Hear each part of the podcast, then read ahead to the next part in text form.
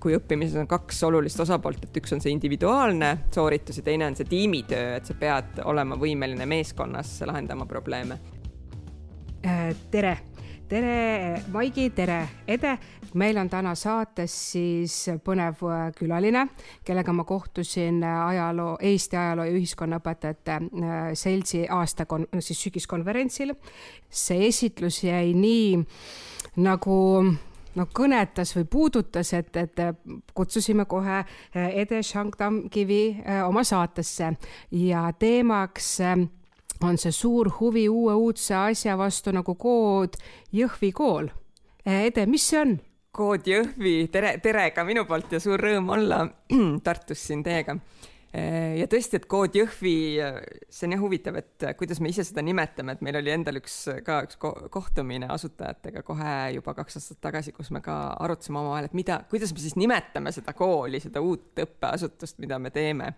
ja tegelikult ega me ma arvan, et see kool ongi ju sellisel startup'i põhimõttel loodud, kus startup ides teatavasti inimesed ka endale neid rolle jooksvalt äh, mõtlevad ametinimetusi välja ja kogu aeg need muutuvad ja samamoodi natuke võib-olla on selle Kood Jõhviga, et et see kool ongi loodud sellise kiiruga suure vajaduse rahuldamiseks, et meil tööjõuturul on ju üle kaheksa tuhande spetsialisti puudu ja, ja vaatame siis nii-öelda jooksvalt, et mis, mis, mis temast täpselt saab, et praegu ta on jah, kood Jõhvi tehnoloogiakool või me meelega ei taha teda kutsuda ainult programmeerimiskooliks, sest me ei õpeta seal ainult programmeerimist, vaid ka kõike muud oskusi, mis sinna juurde IT-sektoris kuuluvad, et jälle seda müüti murda, et IT ei tähenda ainult programmeerimist, vaid seal on nii palju muid ameteid veel. no mis näiteks? no näiteks disainer andmeanalüütik, äh, seal on väga palju äh, süsteemi administraator ja muidugi ka paljud lihtsamad ametid. et, et Code Jõhvis neid suundi on kokku kuus, mida algselt kaheksateist kuud on selline üldõpe, alustatakse kolmest programmeerimiskeelest ja siis minnakse niimoodi laiemaks ja lõpuks viimased kuus kuud on siis eriõpe või spetsialiseerumine ja see on siis juba koostöös äh, ettevõtetega, kes loovad siis nii-öelda omad moodulid, kus tegelikult sa õpidki juba tööpostil, mis ongi tegelikult see põhiline häda praegu mm -hmm. Eesti IT-sektoris, et kas sa tuled äh, kutseharidusest, bakalaureusest, magistrist või oled lausa doktorikraadiga IT-spetsialist, siis ikkagi sa lähed ja hakkad seal töökohal nullist õppima. aga meie programmis on siis nii, et sa juba oled selle ettevõtte juures nagu praktikal, ehk siis sa tegelikult elad selle kuue kuu jooksul juba sisse ja kui sa kooli lõpetad, siis eeldatavasti on sul see töökoht seal juba Aha. garanteeritud, sest sa oled selles juba, selle, sellesse rolli juba sisse elanud. see on siis nagu kaks kärbest ühe hoobiga, praktika ja töö. täpselt nii. väga hea. ja noh, loomulikult meie ei äh,, seda kaheksat tuhandet äh, puuduvat töökohta ei suuda ju kohe ära täita, sest äh, esimesel õppeaastal me võtsime vastu kolmsada õpilast või kakssada esimesel aastal, nüüd kolmsada juurde ehk siis ja esimene lend ei ole ju veel lõpetanud, et nad hakkavad alles nüüd kevadel esimesed usinamad äh, lõpetama mm. -hmm. nii et sinna läheb aega, kuni me esimesed tuhatki saame, aga noh, selles mõttes see algus on tehtud ja on tehtud just tänu sellele, et see on eraalgatus, et saime seda teha kiiresti mm. -hmm ja vaatame siis, kuidas see. kes on teie sihtrühm, kes, kes on Kood Jõhvisse oodatud?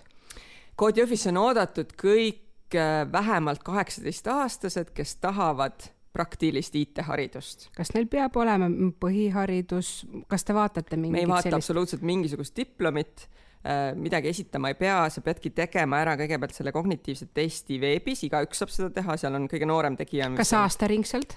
Ja et, et me kuulutame välja, on need spetsiaalsed perioodid, kui saab seda eeltesti teha, seejärel kaks korda aastas toimuvad need sprindid okay., mis tähendab siis seda, et koha peal kolm nädalat käib intensiivne programmeerimisõpe, mis tähendabki just seda, et tegelikult sul ei pea olema mitte mingit eelnevat programmeerimiskogemust. ma tean ise inimesi, kes, kes on tulnud täiesti teistelt erialadelt näiteks üks meditsiiniõde, kes kangesti tahtis ümber õppida mm -hmm. ja tal puudus igasugune taust programmeerimises ja, ja sai hakkama, sai sisse kooli. et selles mõttes äh, kõige tähtsam on motivatsioon, isiklik motivatsioon, et sa tahad ja siis sa pead selle kolm nädalat äh, üle elama ja siis need, kellele see sobib, siis saavad õppima. ja õppekeel siin vist on inglise keel? Inglise keel, noh, selles mm -hmm. mõttes, et keel kui selline, et, et meil on ju erinevad keeled, programmeerimiskeeled, mis, mis nagunii on paljuski nii-öelda inglise keele põhised, et seda ei ole mõtet äh, hakata ümber tõlkima, pluss et meil on jah, rahvusvaheline kogukond, et et kui ma ei eksi, siis viimane, viimasel sprindil meil oli üle kolmekümnest rahvusest äh, huvilisi. Nii et, et me ei saa kuidagi kindlasti piiritleda, pluss ikkagi see asukoht Ida-Virumaal äh, ja meie ka just üks asi, mida me oleme nii-öelda lubanud seda kooli sinna luues, tuleb ju rõhutada, et see kool yeah. siiamaani ei ole veel avatudki, et seni me oleme tegutsenud Sillamäel äh, ja nüüd novembris äh, avatakse siis meie oma maja Jõhvis, et, et eesmärk oli just, seda kohalikku, kohalikku kohalikku rahvast nii-öelda teenindada või et pakkuda neile võimalust kodulähedaselt äh, õppida ja, ja see on meil õnnestunud, sest tõesti pea kolmandik õpilastest on äh, Ida-Virust. aga ütle palun, kuidas see nagu, kui nüüd see õppehoone valmis saab ja te saate Jõhvis alustada novembris, kas see on niisugune klassis saame kokku, mentor, õpetaja juhendab, kuidas see välja näeb? Mm.. vot see on ka jah, et üks äh, reklaamlause, mida, millega Koodi Jõhvit reklaamitakse, ongi see, et meil ju õpetajaid ei ole, null õpetajat, null õppekava äh,, null õppemaksu. et äh, tegelikult äh, jah, et meil ei ole õpetajaid selle klassikalises mõttes, aga nagu teie ise õpetajatena teate, siis õpetaja roll üldsegi on äh, muutumas.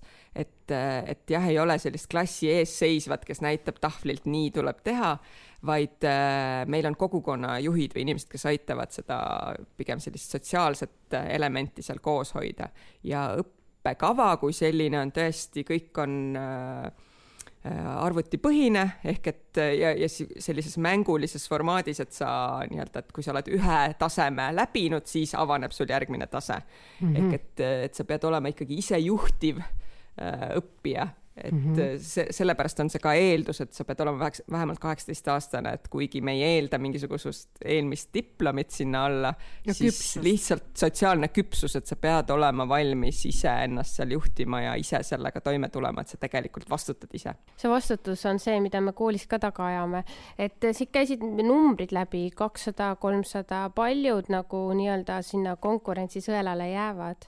vot see ka, et me tegelikult lubasime see aasta võtta kaks korda rohkem vastu kui eelmine aasta, aga otsustasime, et ei, et me ei lase latti selles mõttes allapoole, et ikkagi tase sealt kognitiivsest testist, eh, kuigi sel aastal selgelt olid, eh, tuli välja, et oli rohkem, et need, kes juba hakkasid seda testi tegema, läksid nii-öelda kindla teadmisega, et ma ei mm. lähe lihtsalt katsetama, et tõenäoliselt esimesel aastal ja, see oli lihtsalt nagu uus ja huvitav, paljud tulid, et oh, vaatan ka, mis asi see siis on. Ja paljud mu enda tuttavad, kellel polnud kindlasti mingit plaani sinna õppima minna et lihtsalt katsetasid, et mis see, mis see mm, test endast kujutab, et see aasta kindlasti oli neid testitegijaid selles mõttes, et tase oli Need, kes tegid, need olid nii-öelda kõrgema tasemega, aga, aga oli ikkagi äh, nii-öelda vähem neid, keda, keda mm. siis äh, oli vaja vastu võtta. ma, miks ma seda konkurentsi teemat siia tõin, ma kuulasin Code Jõhvi podcast'i, äh, kus siis ähm, need, kes seal õpivad, äh, rääkisid ja mulle meeldis see, noh, ing-, inglise keeles, eks ole, kõik, et mulle meeldis see, et nad tõid välja selle, et et nemad, äh, vähemalt üks õpilane, et nemad ei tunne nagu omavahel konkurentsi, et nad konkureeriks omavahel, vaid ta tunneb, et ta peab endast kogu aeg parem olema et no, kas, kas te kuidagi, kas, jaa, kas te kuidagi ja. nagu tegelete sellega, kas te olete teadlikult seda suunanud kuidagi või, või, või on see kuskil teil kirjas väärtustes motona või tuleb see lihtsalt äh, kuidagi sellel erialal lihtsalt välja?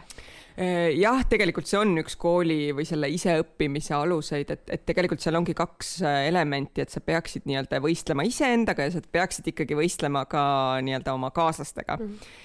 et et seal jah, see hindamine või see eda-, edenemine on tulebki nendest kahest komponendist kokku ja sa pead olema võimeline aitama teisi ja ka küsima abi.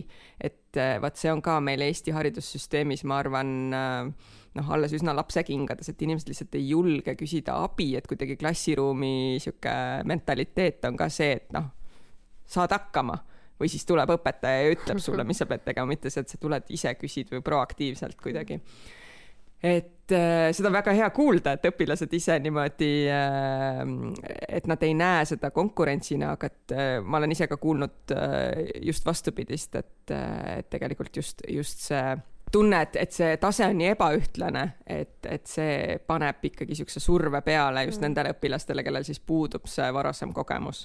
et selles mõttes kindlasti need on täpselt teemad, millega me jooksvalt tegeleme, mida me ka töö käigus õpime, aga et et jah, et see, see sai tegelikult algusest peale kokku lepitud, et just see, et, et see sisemine motivatsioon peab olema see kõige olulisem asi mm. -hmm. ja see on noh, selgelt ka, mis, mis tuleb ka välja nendes numbrites, et et kui IT-erialadel mitte ainult Eestis, vaid maailmas üldse äh, akadeemilisel, akadeemilistes programmides väljalangemine on hästi suur. Äh, esimesel aastal umbes veerand kukub välja just seetõttu, et, et, äh, et see õpe on liiga elukauge, hästi akadeemiline, kuidagi juba ajast maha jäänud pluss, et noh, et, et need ootused õpilastele endile, et nad ilmselt tegelikult ei tea, mida nad õppima lähevad, et palju ilmselt on seda juttu, et IT-sektor, IT-sektoris on kõrged palgad, et, et see on just nagu tuleviku eriala ja siis sa lähed sinna, avastad, aga tegelikult see ei ole üldsegi minu jaoks. või siis ka paljud lähevad kohe juba erialasele tööle, et seetõttu jäävad õpingud pooleli, et meil esimesel aastal see väljalangemiste hulk oli oluliselt väiksem, et see jäi kümne protsendi kanti, nii et selles mõttes ma arvan, et meil on väga hästi. aga väljalangemine või loobumine on tingitud sellest, et nad saavad aru, mis nüüd tegelikult toimub või pigem see, et ah, see või noh, need, kas nõudmised on kõrged või lihtsalt arusaam, et ei, see ei ole ikka mulle kas te olete seda ka kuidagi eks mõõtnud? kõike ja ei, eelkõige meie puhul on olnud see, et need on need inimesed, kes käivad tööl ja nad lihtsalt Aha. ei jõua, et nad on ise aru saanud, et nad ei suuda oma aega juhtida mm. -hmm. et et äh, seda meil ei ole küll tulnud ette, et keegi oleks öelnud, et ei, ma ei ole rahul selle pakutava programmiga ja ma lahkun sellepärast, et vaid pigem jah, et, et isiklikud põhjused. aga minu jaoks on niisugune veel huvitav, et kui noh, nüüd tuleb kool ühe katuse alla ja on mingid õpperuumid, kas siis õppetegevus toimub nagu mingi tunniplaani alusel või on ikkagi vaba kava selline, et sul on need ülesanded antud, sul on teatud hetkeks vaja need ära lahendada, et saada järgmisesse, eks ju, faasi või, või moodulisse, ma täpselt ei tea seda, et kuidas see on? no sa pead ikkagi ise juhtima oma aega, et ise selle päevakava endale kokku panema ja jõudma oma asjad ära teha, et, et selles mõttes ongi, et jällegi me ei saa siin rääkida, kuna Eestis meil esimest lendu veel ei ole või mhm. lõpetanud äh, äh, aastakäiku aga teiste riikide kogemused näitavad, et, et noh, on ülimotiveeritud õppijaid, mis tähendab seda, et sa pead ikkagi füüsiliselt seal kohapeal olema ja tegema seda nagu täistempos, täie pühendumisega. siis on olnud õpilasi, kes lõpetavad selle vähem kui kahe aastaga, programmi. see on siis kool nelikümmend kaks mudel, mis mm -hmm. on nagu see nii-öelda algne iseõppimiskooli mudel, millest omakorda on siis välja kasvanud see kool null üks või see haridusmudel null üks, mille baasil omakorda on nüüd äh, kood Jõhvi, et see on jällegi, et me ei ole siin Eestis päris seda ise leiutanud, vaid me kasutame juba rahvusvaheliselt ära testitud mudelit, millele me anname siis veel oma sellise kohaliku Eesti puudutuse ja, ja siis Eesti ettevõtete need moodulid sinna peale mm. -hmm. aga nüüd on küsimus ka, teie lõpetajad, kuhu nad tööle suunduvad, on need ettevõtted ähm, Eestis?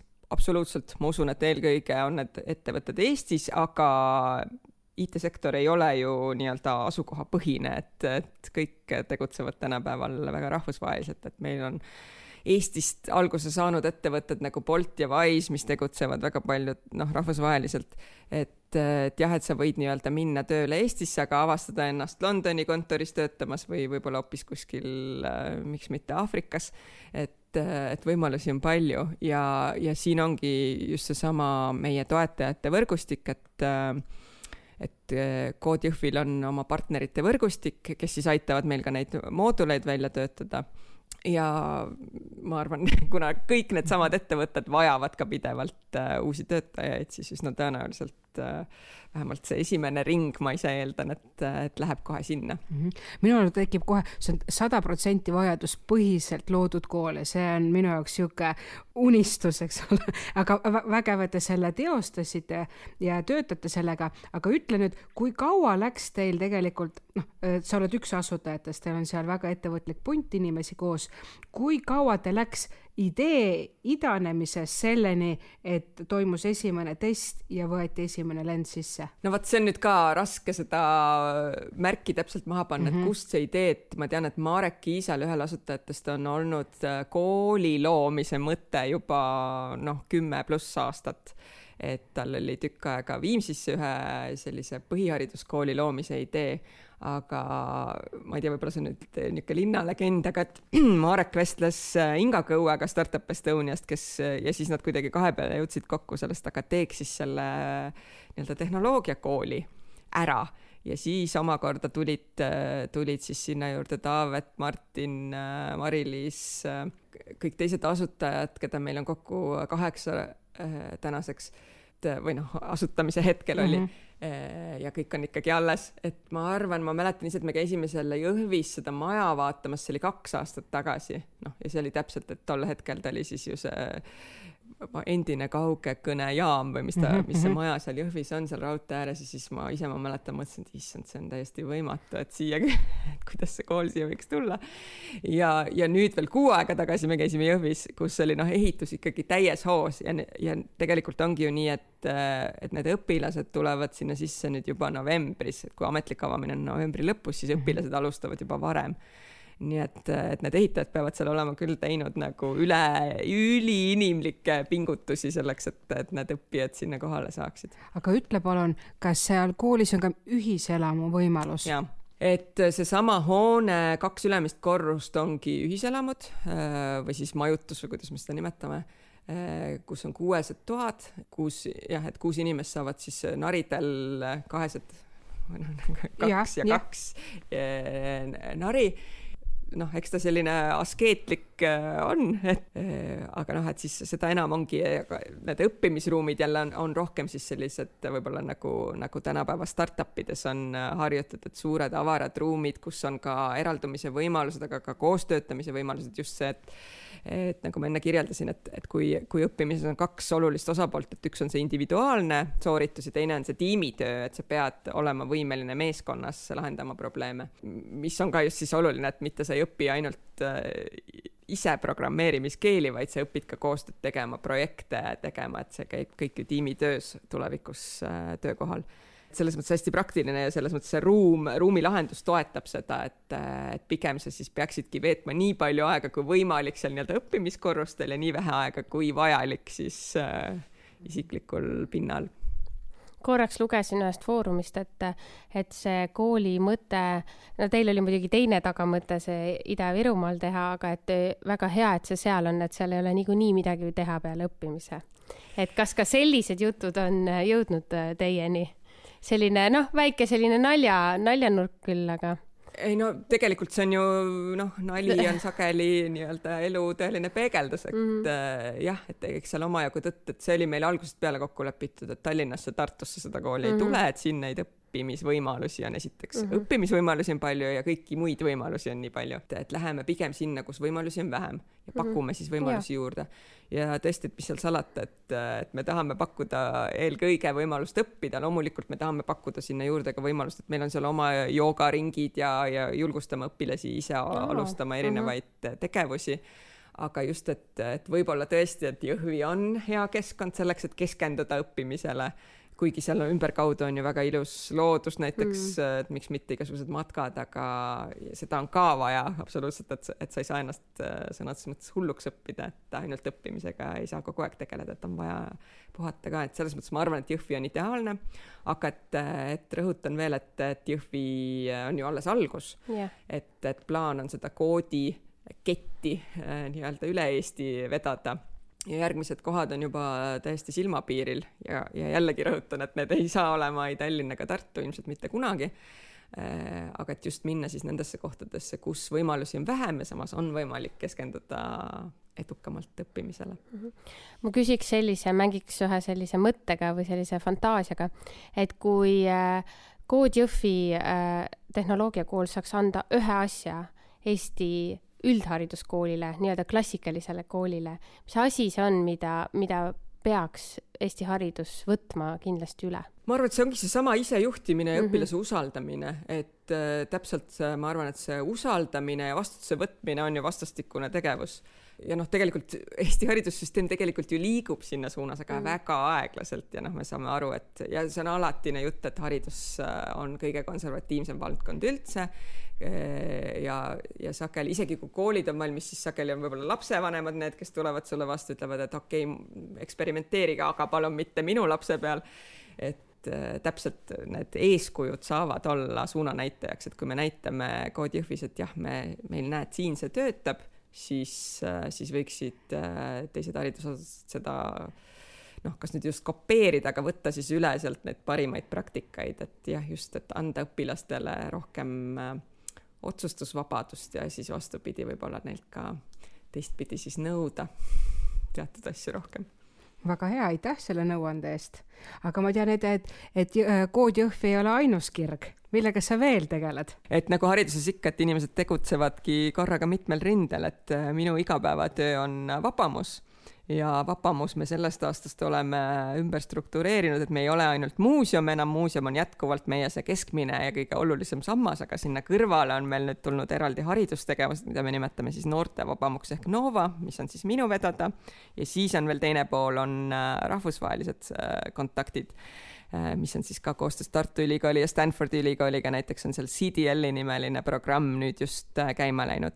nii et Vabamus on põnevad ajad ja, ja meie ise Noortevabamus äh, tuleme ka kohe-kohe välja iseõppimisplatvormiga, nii et just see iseõppimine on äh, absoluutselt minu selline suur äh, kirg ja väljakutse, et, et kuidas seda, seda tulla appi nii õpetajale kui ka siis õppijale, kes võib-olla, kellele see tavaline koolirutiin hästi ei sobi ja tahaks ise võib-olla kiiremini või vastupidi, aeglasemalt omaette õppida, keskenduda, rohkem süvitsi minna et just, äh, just seal appi tulla, pluss siis kõik need füüsilised üritused, mida sinna juurde, et mitte ainult arvuti taga õppides äh, aega veeta, vaid ka saada inimestega kokku ja üheskoos arutleda ja käed külge asju ära teha. mina olen jälginud neid programme natuke, need on ilgelt põnevad, mina kui ajalooõpetaja mõtleks, et osaleks isegi, aga sihuke äh, väike tähelepanek, et need on tööpäeva lõpus kell kuus üldjuhul, et äkki annan sisendi kui mingi moodus ka väljaspool Tallinna koolidele. ja absoluutselt, et eks see ongi selle õppe, õppimisplatvormi üks mõte, et, et pakumegi ka võimalusi nendele, kes füüsiliselt kohale tulla ei saa, et meil on olnud mitmeid online arutelusid, nüüd jälle kogu selle Covidi järgsel ajal tundub, et keegi ei taha seal arvuti taga rohkem istuda, et kutsume siis võimalusel neid kokku tulema aga loomulikult, kui huvi on, siis teeme neid online üritusi, teeme hübriidüritusi, tänapäeval tundub, et kõik ongi, äh, uus normaalsus ongi hübriid, et pooled istuvad arvutis, pooled on kohapeal äh, ja need äh, muuseumituurid, jah, nüüd me oleme teinud siis arut-, korra kuus on meil noorte arutelud ja korra kuus üritame kõrvale teha sellist meie püsinäitusega seotud sellist arutelu formaati, kus siis kuraator tuleb, arutleme mingil teemal, et näiteks homme ongi meil arutleme sõja võimalikkuse ja kuidas sõjaks vajadusel valmistuda. et mis on praegu kindlasti väga aktuaalne teema. et, et just sellised teemad, et kutsume ja just eri põlv, põlvkondi kokku, et me ei tahaks kuidagi ära segmenteerida, et meil on siin noored ja meil on siin vanad ja siis kuskil vahepeal on mingisugused kesk, keskealised, vaid, vaid miks mitte, et kõik need üritused on tegelikult avatud ju kõigile samamoodi see Nova iseõppimisplatvorm, et me ei piiritle ära, et sa oled nüüd üheksateist, ära nüüd siia enam tule, vaid elukestev õpe on uus normaalsus. aga mis vanusest on oodatud? no pigem siis jah, küsime nii, et, et kes jaksab vastu pidada okay. või kes suudab keskenduda, et võib-olla kolmeaastastel on keeruline seal. ei, absoluutselt kuigi, kuigi noh, muuseumis kindlasti leidub tegevust ka kolmeaastastele, aga et, et kes ikkagi juba arutleda tahavad ja suudavad, et et ütleme, niisugused kaheteist, kolmeteist, neljeteistaastased võib-olla juba on huvitatud arutlema sellistel ühiskondlikel teemadel. Need on äärmiselt tähtsad, see on väga tänuväärt tegevust, aitäh sulle! ja aitäh sulle äh, aja ja selle vahva intervjuu eest, ma loodan, et kuulajatel on väga põnev äh, kuulata ja võib-olla ka ise proovida äh, koodjõhvi testi siis läbi tegema see oli Roosa raadio järjekordne osa. suur tänu kuulamast. millal, kellega ja kunas me järgmine kord kohtume, eks seda näitab aeg. Auf Wiederhören